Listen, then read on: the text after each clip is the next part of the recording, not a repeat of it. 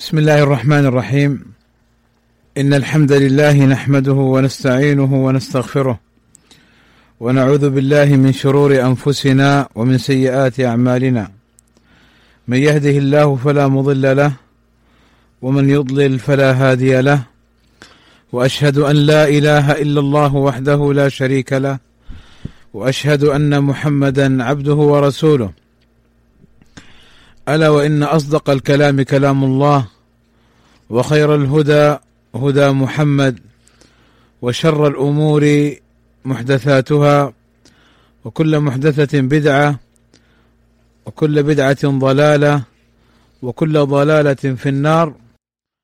أما بعد فنتدارس ونتذاكر فيما بيننا متن القواعد الأربع. لشيخ الإسلام محمد ابن عبد الوهاب التميمي رحمه الله تعالى صاحب الدعوة السلفية ومن أنقذ الله عز وجل به الجزيرة العربية وجدد الله عز وجل به دين نبينا محمد صلى الله عليه وسلم حيث دعا إلى التوحيد والسنة وحارب الشرك والبدعه والضلالة وأرسى قواعد هذا الدين ودعا الناس إلى الرجوع إلى الدين الصحيح الذي بعث به نبينا محمد صلى الله عليه وسلم. لذا شيخ الإسلام محمد بن عبد الوهاب رحمه الله تعالى يعتبر عند أهل العلم وعند المسلمين من المجددين لهذا الدين. وتجديد الدين ليس معناه أن نبتدع وأن نخترع وأن نأتي بأمور من تلقاء أنفسنا وإنما تجديد الدين يكون باتباع وإحياء سنة النبي صلى الله عليه وسلم وبمحاربة الشرك والبدع والضلالات وبيان الحق ونصرته ورد الباطل وإزهاقه. هكذا يكون هذا التجديد السلفي الشرعي. وهذه القواعد الأربع شرحها جماعة من أهل العلم. مما يدل على مكانتها وفضلها وأهميتها. فممن شرحها الإمام عبد العزيز ابن باز رحمه الله تعالى والعلامة محمد أمان الجامي رحمه الله تعالى والعلامة أحمد ابن يحيى النجمي رحمه الله تعالى. وكذا العلامة صالح الفوزان حفظه الله تعالى وغيرهم من أهل العلم كالشيخ صالح آل الشيخ حيث شرح هذه الرسالة وغيره أيضا ممن شرح هذه الرسالة. وهذه القواعد الأربع كما يقول الإمام ابن باز رحمه الله تعالى في شرحه لهذه الرسالة قال أما بعد فهذه القواعد الأربع نبه عليها المؤلف رحمه الله وهي قواعد مهمة فمن عقلها وفهمها جيدا فهم دين المشركين وفهم دين المسلمين وأغلب الخلق لا يفهم هذه القواعد ولهذا التبست عليهم فعبدوا القبور وأصحابها والأولياء والأشجار والأحجار من دون الله وهم يحسبون أنهم على شيء لجهلهم بحقيقة التوحيد وحقيقة الشرك. ومؤلف هذه القواعد هو الشيخ الإمام محمد بن عبد الوهاب رحمه الله وهو المجدد لمن درس من معالم الإسلام في هذه الجزيرة في النصف الثاني من القرن الثاني عشر المتوفي سنة ست ومائتين وألف من الهجرة النبوية. انتهى كلامه رحمه الله تعالى. قال شيخ الإسلام محمد بن عبد الوهاب رحمه الله تعالى في مقدمة هذه الرسالة. قال بسم الله الرحمن الرحيم. أسأل الله الكريم رب العرش العظيم أن يتولاك في الدنيا والآخرة وأن يجعلك مباركا أينما كنت وأن يجعلك ممن إذا أعطي شكر. وإذا ابتلي صبر وإذا أذنب استغفر فإن هؤلاء الثلاث عنوان السعادة. مر معنا أن الابتداء ببسم الله الرحمن الرحيم دليله الاقتداء بكتاب الله عز وجل حيث البسملة هي أول ما في القرآن العظيم. بسم الله الرحمن الرحيم. وأيضا جاء في بعض كتابات النبي صلى الله عليه وسلم وفي بعض الآثار عن السلف البدء ببسم الله الرحمن الرحيم وأن حديث كل أمر ذي بال لا يبدأ فيه ببسم الله وفي بعض الروايات بحمد الله فهو أبتر أقطع أجذم. قلنا كما نبه على ذلك الإمام الألباني رحمه الله تعالى هو حديث ضعيف لا يصح بل قال الألباني ضعيف جدا ولا يتقوى مع كثرة الطرق لشدة ضعفها. قال رحمه الله تعالى أسأل الله الكريم رب العرش العظيم أن يتولاك في الدنيا والآخرة. شيخ الإسلام محمد بن عبد الوهاب رحمه الله تعالى ابتدأ هذه الرسالة بالدعاء. لطالب العلم وطالب الحق من الذكور والإناث دعا لهم بهذه الأدعية المباركة ومنها أن يتولاه الله عز وجل في الدنيا والآخرة. والمعنى أن شيخ الإسلام محمد بن عبد الوهاب رحمه الله تعالى حين قال أسأل الله الكريم رب العرش العظيم أن يتولاك في الدنيا والآخرة يتولاك بمعنى ينصرك ويؤيدك في الدنيا والآخرة. فمن تولاه الله عز وجل وكان وليا لله عز وجل وكان العبد وليا لله عز وجل فمن ذا يخاف ومن ذا يغلبه؟ فإن الله عز وجل إذا كان له نصيرا وظهيرا فإنه سبحانه وتعالى كما قال ابن جرير في قوله عز وجل الله ولي الذين آمنوا يخرجهم من الظلمات إلى النور. قال ابن جرير رحمه الله تعالى أي نصيرهم وظهيرهم يتولاهم بعونه وتوفيقه. لذا سأل شيخ الإسلام محمد بن عبد الوهاب سأل الله عز وجل لك يا طالب العلم ولك يا طالبة العلم أن يتولاك الله عز وجل وأن يحفظك وأن ينصرك وأن يوفقك لكل خير لأن الإنسان في هذه الدنيا في دار بلاء وابتلاء واختبار وله الاختيار وكما مر معنا أن مشيئة العبد واختياره لا تخرج عن مشيئة الله عز وجل وما تشاءون إلا أن يشاء الله. فهذا الدعاء العظيم من هذا الشيخ الإمام محمد بن عبد الوهاب رحمه الله تعالى دليل على حرصه وعلى شفقته وعلى حسن تربيته لطلاب العلم وطالبات العلم وأن المعلم ينبغي أن يكون حريصا على طلابه. كيف لا؟ والنبي صلى الله عليه وسلم كان حريصا على هداية الناس وعلى استجابتهم للحق وعلى رجوعهم ودخولهم في دين الله عز وجل. ثم قال رحمه الله تعالى وأن يجعلك مباركا أينما كنت أيضا دعا الله عز وجل أن يجعلك يا طالب العلم ويا طالبة العلم بما تعلمت وبما درست وبما تعلمت وبما درست أن يحصل منك الخير والنفع للناس مباركا أينما كنت. بمعنى أنك تنفع الآخرين بما عندك من علم شرعي وبما عندك من الدلالة على الحق والتحذير من الشر. وأما أن تدعو إلى الشر وتحذر من الخير فأنت لست مباركا بل أنت مفتاحا للشر مغلاقا للخير وهؤلاء من شرار الخلق نسأل الله السلامة والعافية وأن يجعلك مباركا أينما كنت.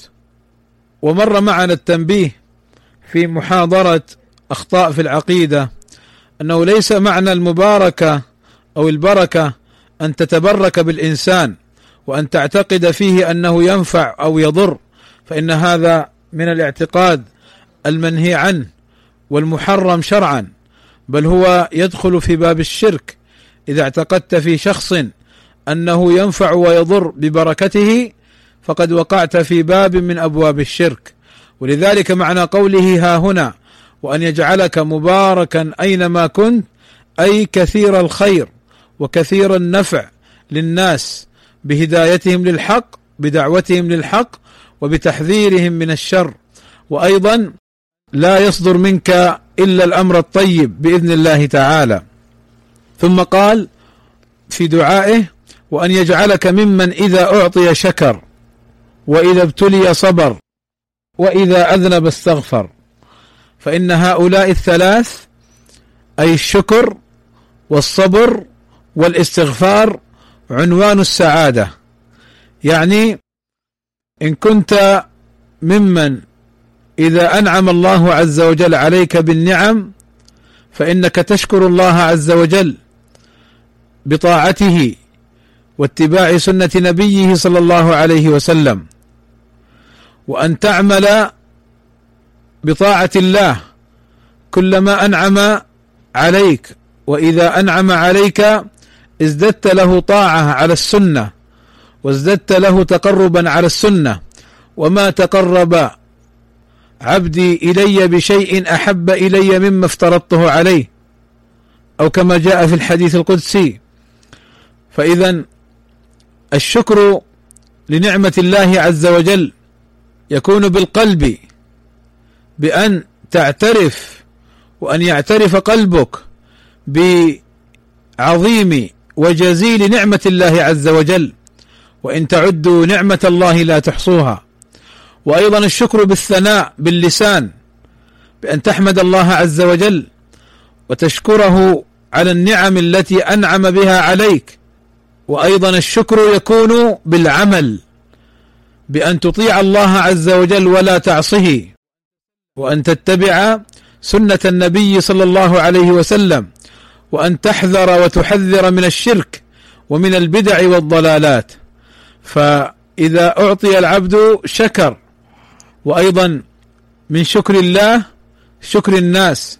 كما قال النبي صلى الله عليه وسلم لا يشكر الله من لا يشكر الناس فلا بد أن تشكر الناس وأن لا تحسدهم وأن لا تنكرهم وأن لا تؤذيهم. إذ أن الله عز وجل قد أنعم على بعض الناس ببعض النعم فأنت تشكره على ما قام بأداء هذه النعم. قال وأن يجعلك ممن إذا أعطي شكر وإذا ابتلي صبر. كما مر معنا هذه الدنيا قيل سمي الدنيا لدنو زوالها أي قرب زوالها. وقيل سميت هذه الدار الدنيا لأنها دار دنيئة. كما قال النبي صلى الله عليه وسلم الدنيا ملعونة ملعون ما فيها إلا ذكر الله وما والاه. ومن الأمور المتعلقة بهذه الدنيا كثرة الابتلاءات وكثرة المصائب وكثرة أمثال هذه الأمور. فإذا وقع الابتلاء على العبد عليه أن يصبر وأن لا يجزع. والصبر كما ذكر أهل العلم والصبر كما ذكر أهل العلم. ثلاثة أنواع. صبر على الطاعة بأن تؤديها على الوجه المشروع. وصبر عن المعصية بأن لا تقع فيها وأن تتوب. إن وقعت فيها وتحبس نفسك عن معصية الله عز وجل. وصبر على المصائب والأقدار. فلا تجزع. فإن رضيت فلك الرضا وإن جزعت وسخطت فلك السخط. ولذلك النبي صلى الله عليه وسلم لما أتى على امرأة كانت تبكي على ميت لها فقال لها اصبري اتق الله واصبري. فقالت وكانت لا تعلم أنه النبي صلى الله عليه وسلم. فقالت إليك عني إنك لم تصب بمصيبتي. فذهب النبي صلى الله عليه وسلم فقيل لها هذا رسول الله صلى الله عليه وسلم. فذهبت إلى النبي صلى الله عليه وسلم تعتذر. فقال لها صلى الله عليه وسلم إنما الصبر عند الصدمة الأولى. فالإنسان يصبر على هذه الأقدار وعلى هذه المصائب وعلى هذه المحن لأنه إن صبر فإنما يوفى الصابرون أجرهم بغير حساب. وإن جزع واعترض على قضاء الله فإن هذا الجزع وهذا السخط لا يرفع عنه ما حل به من المصائب بل يؤاخذ ويحاسب على ما يقوله أو يفعله من نياحة أو تقطيع للثياب أو كلام يعترض فيه على ما قدره الله. ولذلك نبه العلماء على أن من الخطأ قول بعضهم إذا مات إنسان أو صارت له مصيبة يعني فلان ما يستاهل فلان كذا. قالوا هذا خطأ هذه أمور مقدرة. فاذا علينا بارك الله فيكم أن نعلم أن هذه الدنيا دار ابتلاء. لا بد أن يصبر. ولذلك جاء في الحديث عن النبي صلى الله عليه وسلم أشد الناس بلاء الأنبياء ثم الأمثل فالأمثل أو كما قال عليه الصلاة والسلام فإذا كان الأنبياء وهم أفضل الخلق عليهم الصلاة والسلام يبتلون ويصبرون. وكذا أولياء الله عز وجل يبتلون في هذه الدنيا.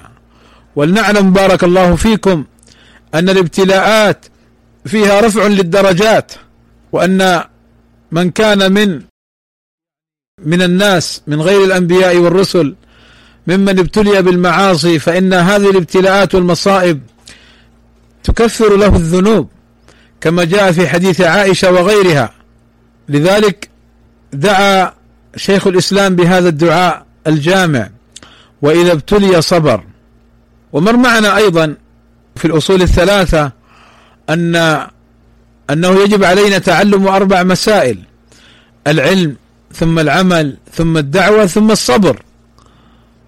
وورق ابن نوفل لما أخذت خديجة رضي الله عنها وأرضاها أخذت النبي صلى الله عليه وسلم إلى ورقة بن نوفل وكان امرأ قد تنصر.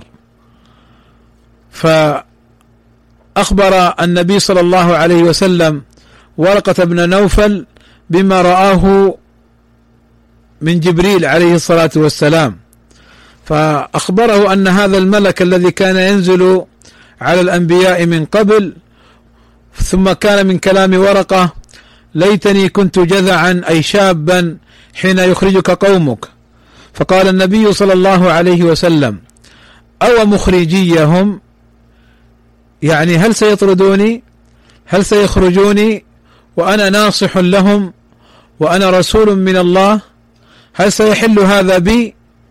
فقال له ورقة إنه لم يأتي أحد بمثل ما جئت به إلا عودي أي إلا كان له أعداء يعادون ما عنده من الحق ويعادون دعوته ويحاولون التسلط عليه وأذيته. فعليه أن يصبر وأن لا يلتفت إليهم كما نبه على ذلك ابن القيم الجوزية رحمه الله تعالى حين قال في كلام معناه إن العبد عليه أن يصبر وأن يعمل بطاعة الله فإن الله هو الذي سيكفيه شر أولئك. وعلى العبد إذا صبر أن لا يأخذ على نفسه أن يعني يرد كيد أولئك بنفسه بل إنما يجعل أمرهم إلى الله عز وجل هو الذي ينصره وهو الذي يكفيه شرهم بإذنه سبحانه وتعالى. فإذا علمنا بارك الله فيكم أن هؤلاء الأنبياء صلوات ربي وسلامه عليهم أجمعين يبتلون بمثل هذه الأمور ويصبرون فنحن نقتدي بهم أيضا أن نصبر خاصة الدعاء إلى الله عز وجل.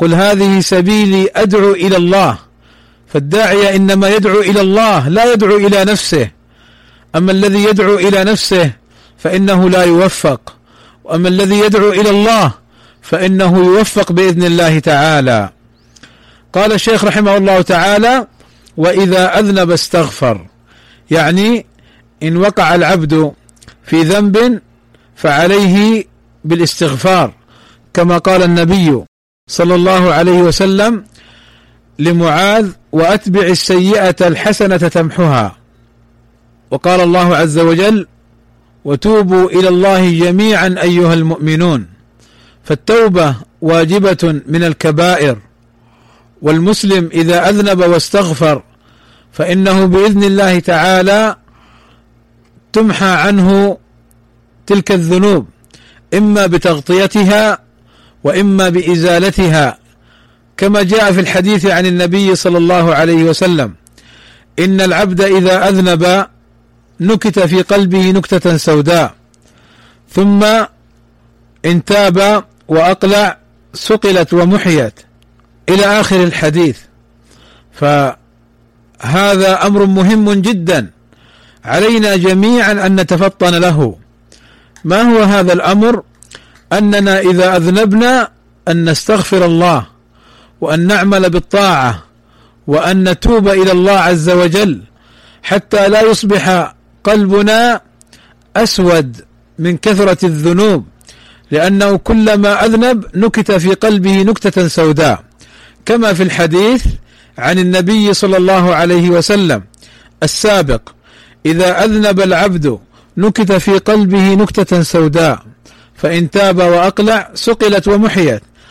ثم إذا أذنب نكت في قلبه نكتة سوداء ولا يزال ينكت في قلبه حتى يصبح أسودا. كالكوز مجخيا لا يعرف معروفا ولا ينكر منكرا. والله عز وجل يقول كلا بل ران أي غطى. كلا بل ران على قلوبهم ما كانوا يكسبون. أي غطى على قلوبهم أي غطيت قلوبهم بكثرة أو بسبب ذنوبهم وأعمالهم. ما كانوا يكسبون أي ما كانوا يفعلون من سيئات ويعني وذنوب ونحو ذلك. لذلك إذا أذنب الواحد منا عليه أن يستغفر وأن يتوب إلى الله عز وجل كما سبق وأتبع السيئة الحسنة تمحها وفي الحديث عن النبي صلى الله عليه وسلم وصححه الإمام الألباني رحمه الله تعالى في السلسلة الصحيحة أخبر النبي صلى الله عليه وسلم إن صاحب الشمال ليرفع القلم ست ساعات عن العبد المسلم المخطئ أو قال المسيء فإن ندم واستغفر الله منها ألقاها وإلا كتب واحدة.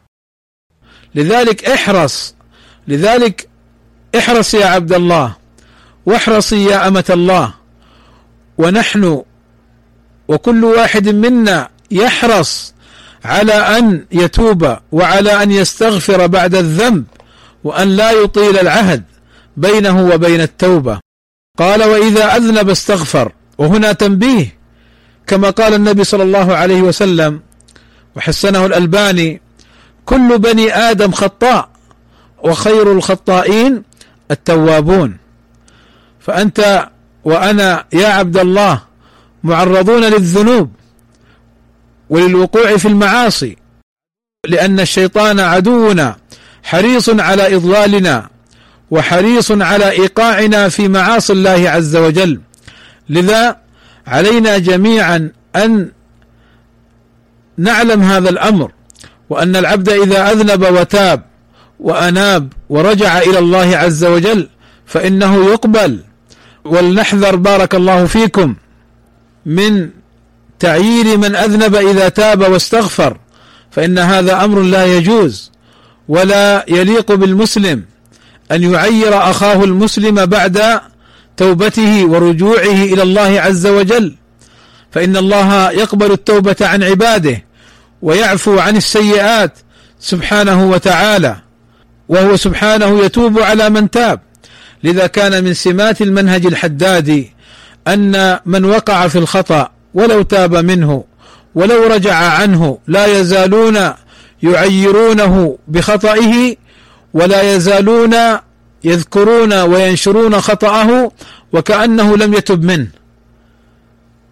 فإن العبد إذا أخطأ في باب الشهوات المعاصي والذنوب أو في باب الشبهات مخالفة الحق والبدع والضلالات ثم رجع وتاب وأناب فإنه بعد أن تثبت وتحسن توبته في باب الشبهات. ويعني كما فعل عمر رضي الله عنه مع صبيغ أنظره سنة ثم قبله فإنه يقبل ولا يليق بأحد أن يذكر ما كان منه سابقا إن كان تاب وأناب ورجع إلى الله عز وجل فإن باب التوبة مفتوح إلى أن تطلع الشمس من مغربها وما بين مصراعيه ما بين جانبيه كما بين المشرق والمغرب. فمن ذا الذي يضيق على عباد الله عز وجل؟ التوبة والرجوع إلى الله هذا إذا كانوا قد وقعوا في هذه الأمور. وأما إن كانت نسبت إليهم خطأ فإن الواجب ترك مثل هذه الأمور. قال الشيخ رحمه الله تعالى فإن هؤلاء الثلاث عنوان السعادة يعني هذه هي السعادة الحقيقية وهذه هي السعادة التي يسعى إليها المرء ويحرص عليها فليست السعادة في المال. وليست السعادة في الجاه والمنصب وليست السعادة في الاشتغال والاستكثار من الدنيا إنما السعادة هي في القرب من الله عز وجل وفي الإنابة والرجوع إلى الله عز وجل وفي الرضا بقضاء الله عز وجل وقدره. فالشكر والصبر والاستغفار والتوبة إن حصلت للعبد تحققت له السعادة.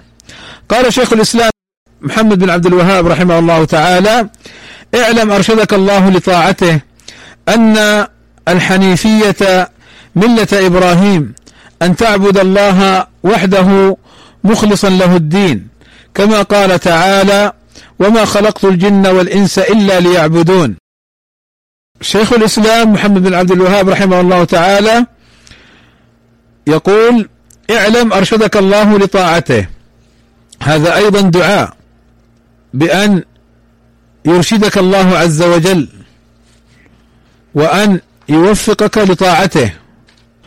فإذا أرشدك الله وهداك إلى طاعته ووفقك لسلوك طاعته وطاعته هنا المراد بها الدين الذي أرسل الله عز وجل به نبينا محمدا صلى الله عليه وسلم. فيقول اعلم أي علما يقينا جزما لا شك فيه. لا بد أن تتيقن هذا الأمر. اعلم أرشدك الله لطاعته.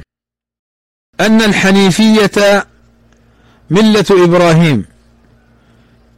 أن تعبد الله وحده مخلصا له الدين كما قال تعالى وما خلقت الجن والإنس إلا ليعبدون.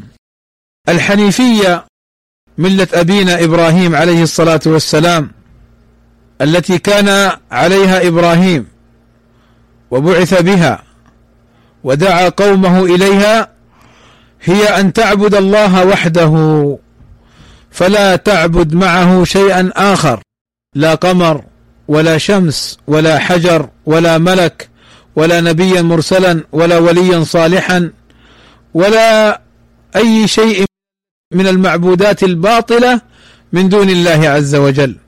أن تعبد الله وحده مخلصا له الدين مخلصا الإخلاص أن تفرده سبحانه وتعالى بالعبادة فلا تصرف العبادة لغيره. مخلصا له الدين أي العبادة وما تتقرب به إليه مما جاء به النبي صلى الله عليه وسلم. كما قال تعالى وما خلقت الجن والإنس إلا ليعبدون أي إلا ليطيعون ويوحدون. فالله عز وجل بين أن الحكمة من خلق الجن والإنس أن يعبدوه سبحانه وتعالى ويعبدونه هنا بمعنى يوحدونه. كما جاء عن ابن عباس وعن غيره من السلف. لذلك إذا صرف العبد العبادة لغير الله عز وجل فقد خالف الحكمة التي من أجلها خلق الله الجن والإنس. فالحنيفية كما قال أهل العلم إنما سميت ملة إبراهيم الحنيفية لأنه مال من الشرك إلى التوحيد. مال من الشرك إلى التوحيد. وأيضا الحنيف في اللغة هو الأصل المستقيم. ولذلك قال الله عز وجل ولكن كان حنيفا مسلما وما كان من المشركين يعني أن إبراهيم عليه الصلاة والسلام لم يكن على ما كان عليه أبوه وقومه من الشرك بل رفض ذلك وأبى. وبين بطلان ما عليه قومه من عبادة غير الله عز وجل وأن تلك الأصنام لا تنفع ولا تضر بل لا تنفع نفسها فضلا أن تنفع غيرها بل لا تنطق ولا تتكلم فضلا أن تسمع وأن تجيب. فإبراهيم عليه الصلاة والسلام كان أمة قانتا وكان حنيفا لله ولم يكن من المشركين كما وصفه الله عز وجل في آيات متعددة. وصف إبراهيم عليه الصلاة والسلام إمام الحنفاء. ولذلك قال المصنف رحمه الله ها هنا الحنيفية ملة إبراهيم التي أمرنا باتباعها. ملة أبيكم إبراهيم هو سماكم المسلمين. والنبي صلى الله عليه وسلم أتى بهذا التوحيد وأتى بهذه الملة.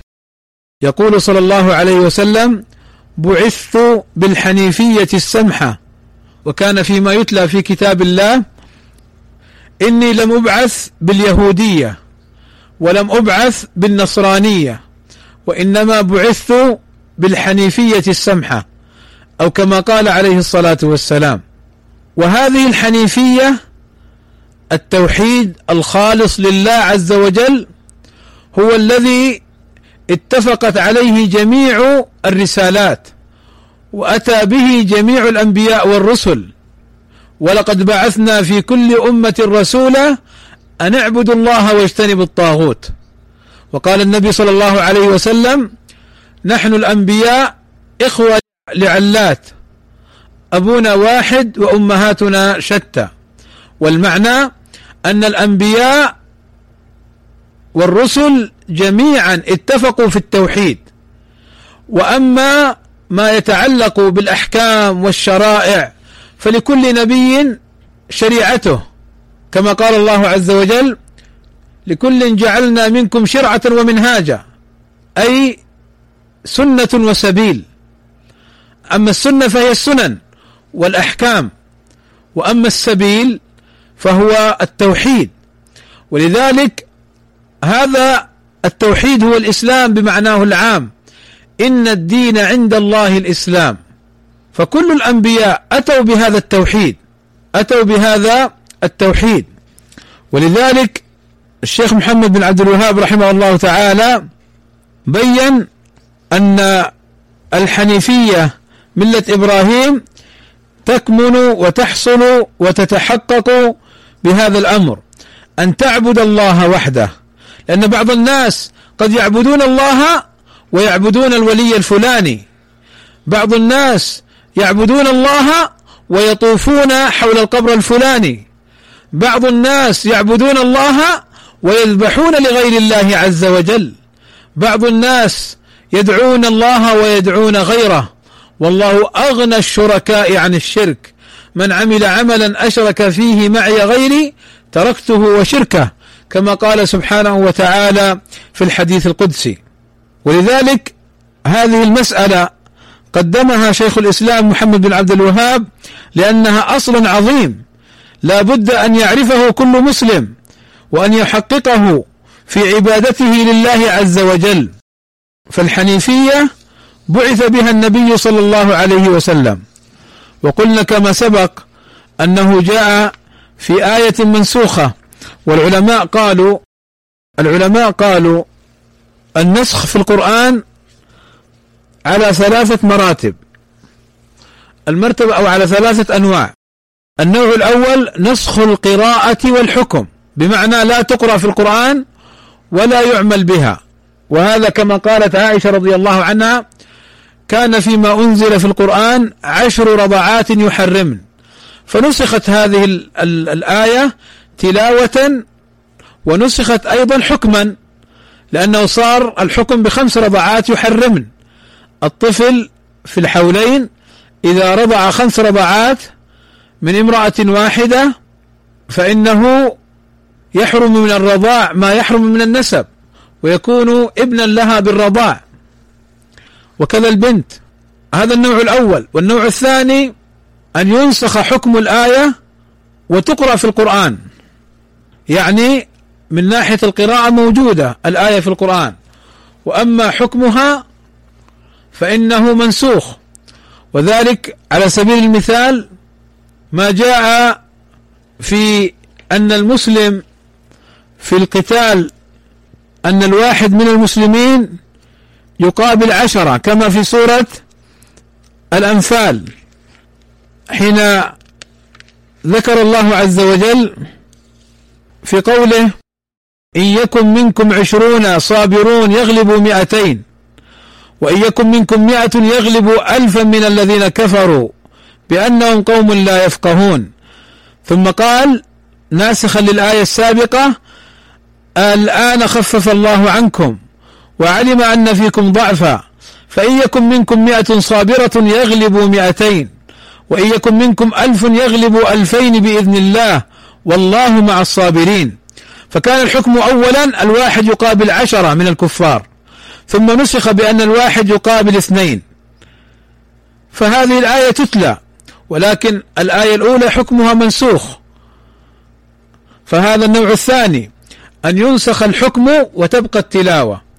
والنوع الثالث أن تنسخ التلاوة ويبقى الحكم. من ذلك هذا الحديث.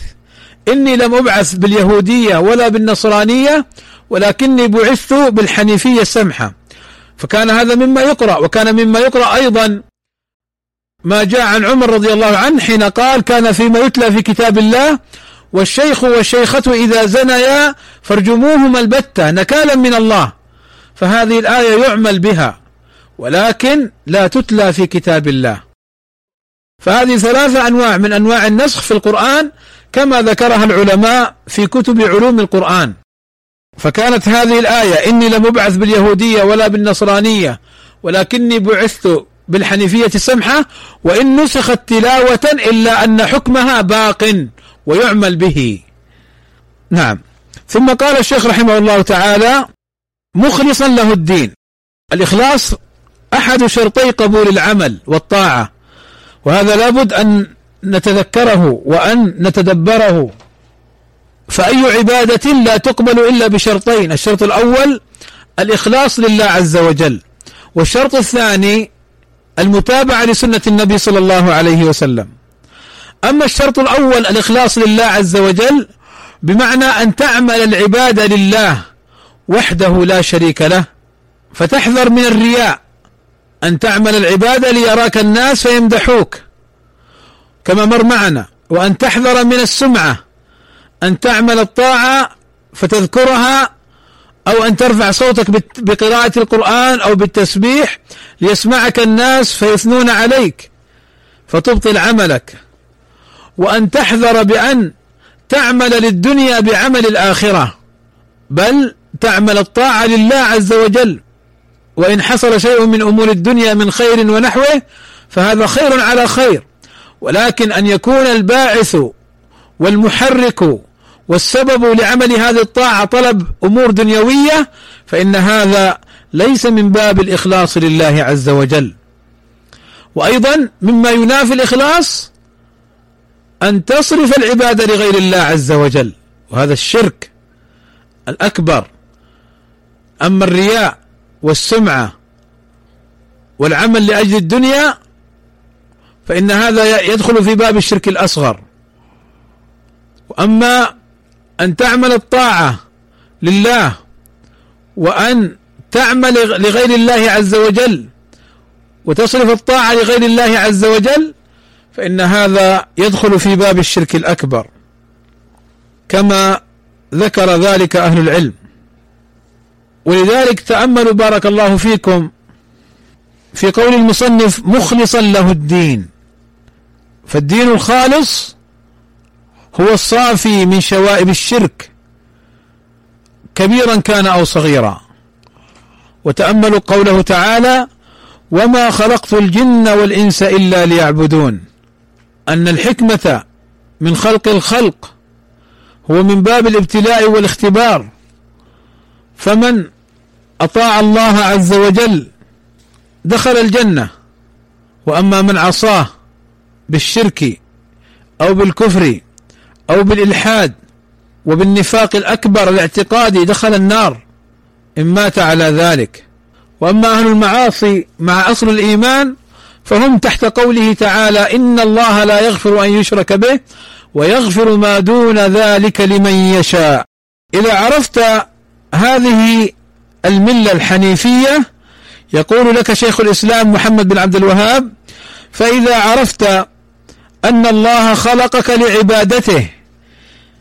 فاعلم أن العبادة لا تسمى عبادة إلا مع التوحيد كما أن الصلاة لا تسمى صلاة إلا مع الطهارة. فإذا دخل الشرك في العبادة فسدت كالحدث إذا دخل في الطهارة. فإذا عرفت أن الشرك إذا خالط العبادة أفسدها وأحبط العمل وصار صاحبه من الخالدين في النار عرفت أن أهم ما عليك معرفة ذلك. يقول شيخ الإسلام محمد بن عبد الوهاب رحمه الله تعالى فإذا عرفت أن الله خلقك لعبادته أي وحده لا شريك له ما هي العبادة؟ العبادة كما عرفها شيخ الإسلام ابن تيمية رحمه الله تعالى كل ما يحبه الله ويرضاه من الأقوال والأعمال الظاهرة والباطنة. هذا مفهوم العبادة العام أنه كله ما يحبه الله ويرضاه من الأقوال والأعمال الظاهرة والباطنة. ولاحظوا بارك الله فيكم أن ما يحبه الله ويرضاه من الأقوال والأعمال بمعنى ما جاء به الرسول مبلغا عن الله عز وجل. هذه هي العبادة بمعناها العام. ولذلك لا تسمى العبادة عبادة إلا إذا توفر فيها الإخلاص وما جاء به النبي صلى الله عليه وسلم.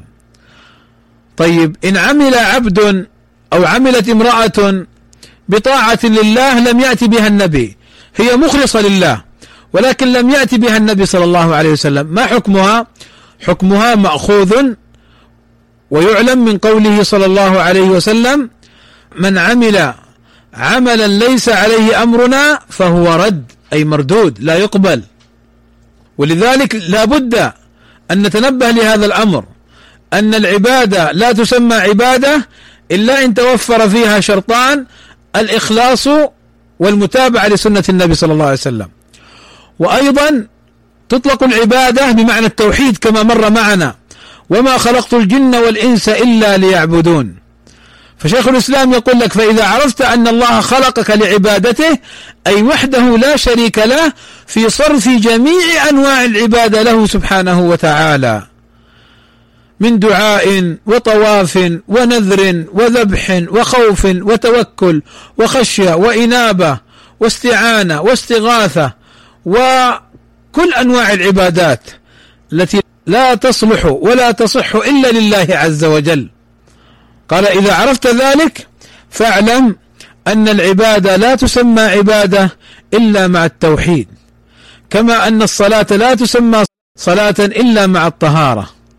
الآن لو جاءنا واحد وقام وصلى الظهر أو العشاء كان نائم مثلا وقام صلى العشاء أو مثلا دخل الخلاء وقضى حاجته ولم يتوضأ وقال أريد أن أصلي العشاء هل يقبل منه؟ الجواب لا لا يقبل منه. السؤال لماذا؟ لأن الطهارة شرط للصلاة. فلا تصح الصلاة ولا تسمى صلاة إلا مع الطهارة. فشيخ الإسلام يقول لنا كذلك التوحيد في العبادة شرط لها. فلا تسمى العبادة عبادة إلا إذا كان العبد موحدا لله عز وجل. ولذلك ذكر الله عز وجل في المشركين والكافرين قوله وقدمنا إلى ما عملوا من عمل فجعلناه هباء منثورا فالكافر إذا عمل عملا صالحا خيرا في الدنيا فإنه لا يقبل منه. بل جاء في السنة النبوية ما يدل على أن الله يجازيه على عمله في الدنيا بأن يعني يسخر له بعض النعم مكافأة له على ذلك العمل الخير. ولكن يوم القيامة لا يقبل منه شيئا. فيأتي ولم يعمل بشيء. لماذا يقول شيخ الإسلام محمد بن عبد الوهاب هذا الكلام؟ لأن بعض الناس يقعون في الشرك ويقولون نحن مسلمون. يذبحون لغير الله ويقولون نحن مسلمون. ويعتقدون في السيد الفلاني أنه ينفع ويضر ويقولون نحن مسلمون. ويعتقدون أن القبر الفلاني يطاف حوله ويذبح له ويتقرب له ويسأل من دون الله ويقولون نحن مسلمون. فيقول لهم شيخ الإسلام محمد بن عبد الوهاب هذه الأمور شرك وعبادتكم لا تقبل لأن العبادة لا تسمى عبادة إلا مع التوحيد كما أن الصلاة لا تسمى صلاة إلا مع الطهارة. قال فإذا دخل الشرك في العبادة فسدت كالحدث إذا دخل في الطهارة. يعني إذا كان العبد يفعل الطاعة لله فأدخل عليها الشرك. عمل شركا. أفسد تلك العبادة. كما أن الإنسان لو تطهر ثم خرجت منه ريح أو تبول أو نحو ذلك أو نام فإنه تفسد الطهارة. لأن الحدث يفسد الطهارة والشرك يفسد العبادة. وهذا من شيخ الإسلام محمد بن عبد الوهاب رحمه الله تعالى أمر دقيق ومثال جميل جدا واضح ظاهر يفهمه العامة بل حتى البليد يفهمه لوضوحه. كما أنك لا تصح منك الصلاة لعدم الطهارة فلا تصح منك العبادة لعدم التوحيد. ولكن كلام شيخ الإسلام محمد بن عبد الوهاب هذا محمول عند أهل العلم. على من كان يعلم أو بين له الحق من الباطل. أما من كان يجهل الحكم ولم يسأل العلماء وكان جاهلا للحكم وكان جاهلا للحكم ويظن نفسه أنه على شرع الله فهنا تدخل مسألة العذر بالجهل. العذر بالجهل. فليس مراد شيخ الإسلام محمد بن عبد الوهاب ما يأتي به الحدادية من تكفير المسلمين مطلقا فإن المسلم إن دخل الإسلام بيقين فلا يخرج منه أيضا إلا بيقين. والعذر بالجهل كما مر معنا في درس كشف الشبهات يوم الجمعة الماضية العذر بالجهل مقرر عند أهل العلم لأدلته ولكن أيضا لا بد من بيان أمر حتى لا يغتر العبد. ما مراد العلماء بالعذر بالجهل؟ مراد بالعذر بالجهل في حالة الإنسان الذي يجهل الحكم ولم يمكنه أن يسأل العلماء ولم يقف على بطلان ما هو عليه ولم يسمع أن ما هو عليه من الشرك. أما إن سمع أن ما هو عليه شرك وبلغه الدليل وبلغته النصوص ولم يسأل ولم يتفقه فإن هذا كما بين أهل العلم يؤاخذ ويحاسب. إذا العبادة لا تسمى عبادة إلا مع التوحيد والصلاة لا تسمى صلاة إلا مع الطهارة. قال الشيخ رحمه الله تعالى فإذا عرفت أن الشرك إذا خالط العبادة أفسدها وأحبط العمل وصار صاحبه من الخالدين في النار. هذا يؤكد لكم ما سبق معنا من أن مراد شيخ الإسلام محمد بن عبد الوهاب رحمه الله تعالى فيما سبق من أن العبادة يعني تبطل و يعني بالشرك وأن صاحبها وها هنا خالد مخلد في النار أن مراده في من لا يعذر بجهله. يعني أمكنه السؤال فلم يسأل ولم يتعلم. وبلغه أن ما عليه شرك وأصر على ما هو عليه. أما إذا كان معذورا بجهله فإن شيخ الإسلام محمد بن عبد الوهاب في رسائله وكتبه يقرر مسألة العذر بالجهل. كما بين ذلك الإمام العثيمين رحمه الله تعالى في شرحه لكشف الشبهات. فإنه طول الشرح هناك وبين ببيان واضح جلي جزاه الله خيرا أن مسألة العذر بالجهل مسألة مقررة وبين ما سبق من أنه إذا أمكنه السؤال وبلغه الأدلة ولم يسأل أنه يؤاخذ. يقول فإذا عرفت أن الشرك إذا خالط العبادة أفسدها وأحبط العمل وصار صاحبه من الخالدين في النار عرفت أن أهم ما عليك معرفة ذلك. يعني من الأمور الهامة والخطيرة أن العبد يتعلم التوحيد ويتعلم ما يخالفه ويضاده. أما التوحيد يتعلمه ليعمل به وأما ما يخالفه من الشركيات يتعلمها بمعنى يتعلم حكمها ليحذرها ويحذر الناس منها ولئلا يقع فيها مستقبلا. قال عرفت أن أهم ما عليك معرفة ذلك ولذلك النبي صلى الله عليه وسلم لما بعث معاذا إلى اليمن ماذا قال له؟ إنك تأتي قوما هم أهل كتاب فليكن أول ما تدعوهم إليه شهادة أن لا إله إلا الله وأن محمد رسول الله. فإنهم أطاعوك لذلك فأعلمهم أن الله فرض عليهم خمس صلوات الحديث. فالتوحيد أولا والتوحيد هو المهم. والتوحيد هو دعوة الأنبياء والرسل إلى قومهم. فالنبي صلى الله عليه وسلم دعا أمته منذ بعثته إلى موته عليه الصلاة والسلام دعاهم إلى التوحيد.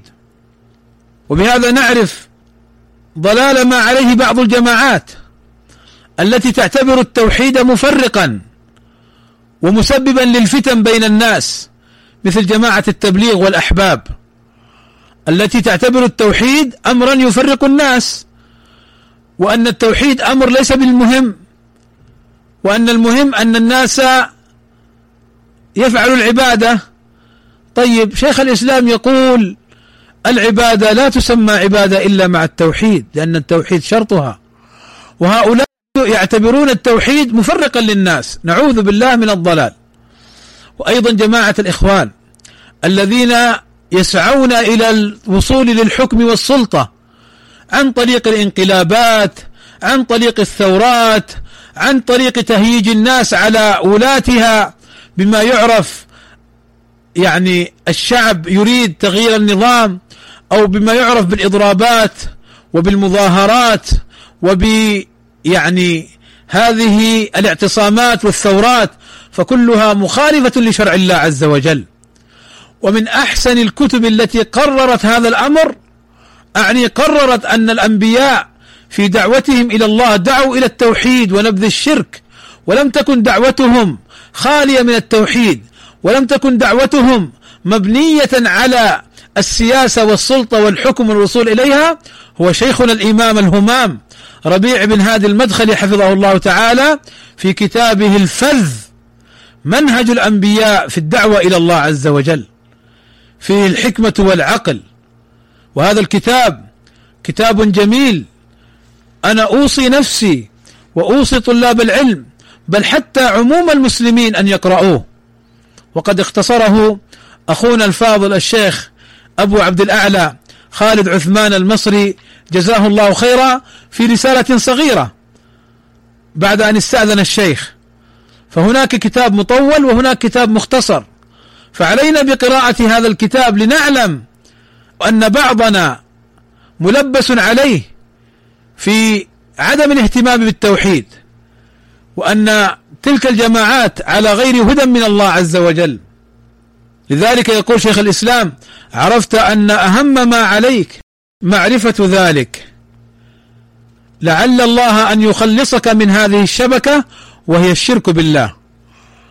يعني إذا وقعت في حبائل الشبكة وهي شبكة الصياد لأن الشيطان وأعوانه من الإنس والجن حريصون كل الحرص على إضلال الإنسان. وابن القيم الجوزية ذكر سبع أبواب يأتي بها الشيطان ليضل الإنسان. أول باب يأتيه من باب الشرك. ثم يأتيه من باب الشبهات والبدع والضلالات وهكذا. لذلك الشيطان يا إخواني بارك الله فيكم حريص أن يوقعك في الشرك. ولذلك هنا مسألة مهمة لابد من التنبه لها. ما هي هذه المسألة؟ نحن جميعنا بحمد الله تعالى مسلمون. نقول لا إله إلا الله محمد رسول الله. نقيم التوحيد وننبذ الشرك.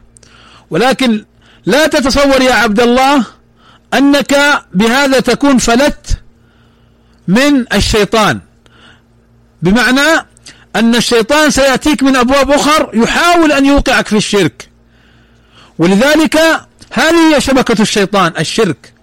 طيب ما الموقف منه؟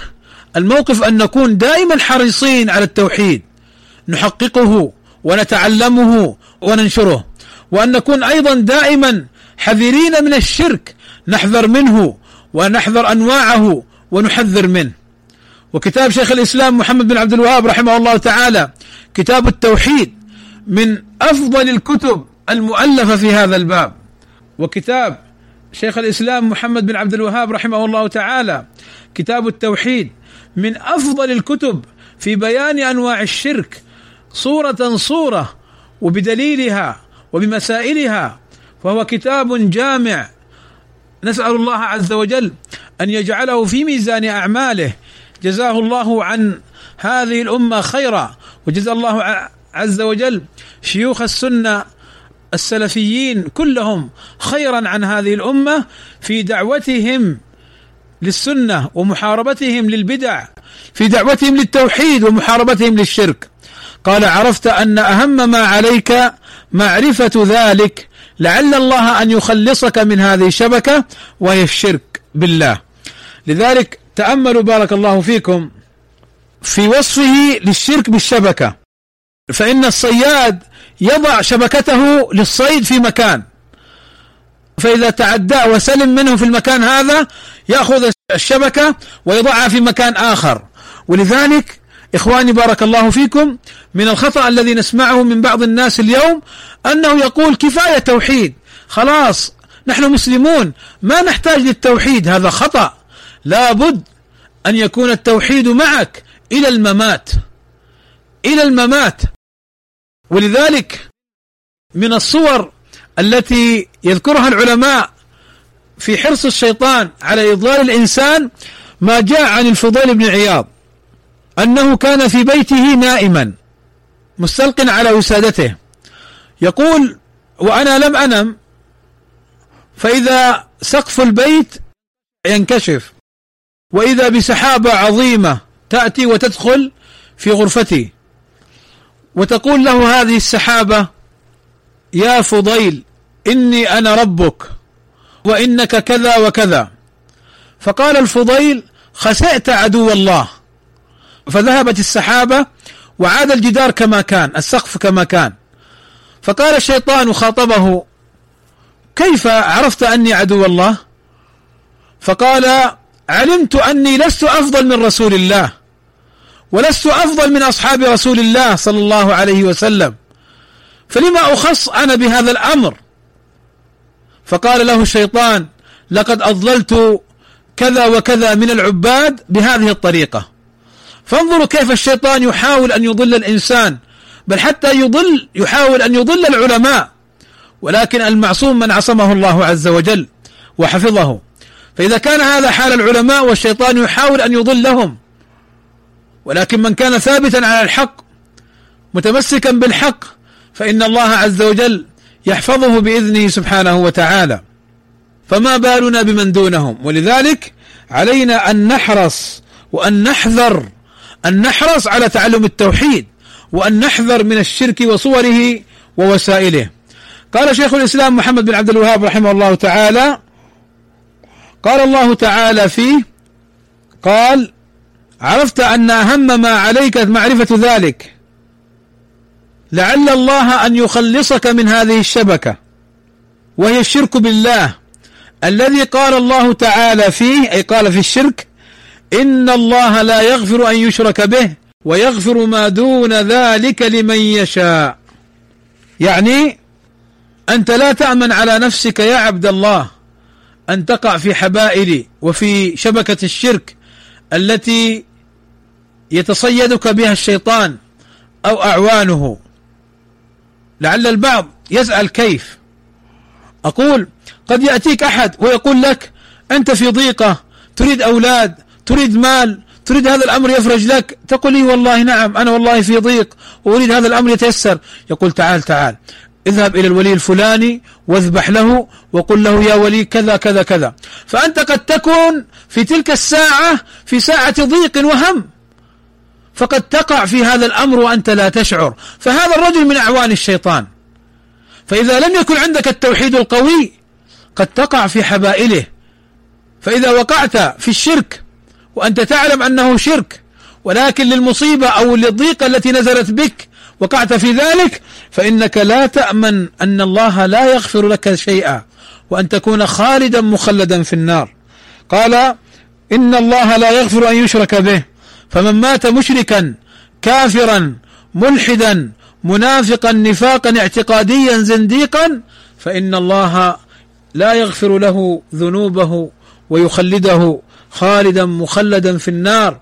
أسأل الله عز وجل أن يحفظني وإياكم من ذلك وأن يجعلني وإياكم من المقيمين للتوحيد ومن البعيدين كل البعد من الشرك وحبائله ووسائله وصوره وأنواعه وعن معصية الله عز وجل.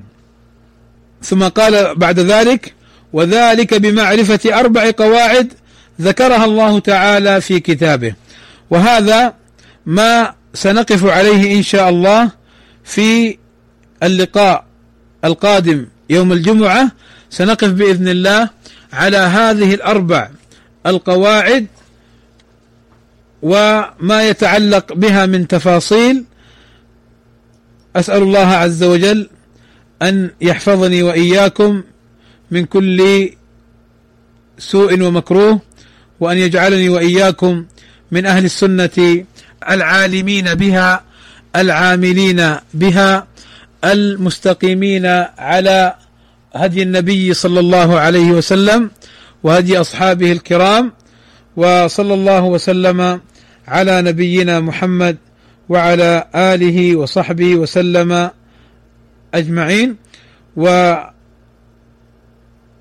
معكم بارك الله فيكم. كلمة لشيخنا الفاضل العلامة حسن البنا حسن ابن عبد الوهاب البنا حفظه الله تعالى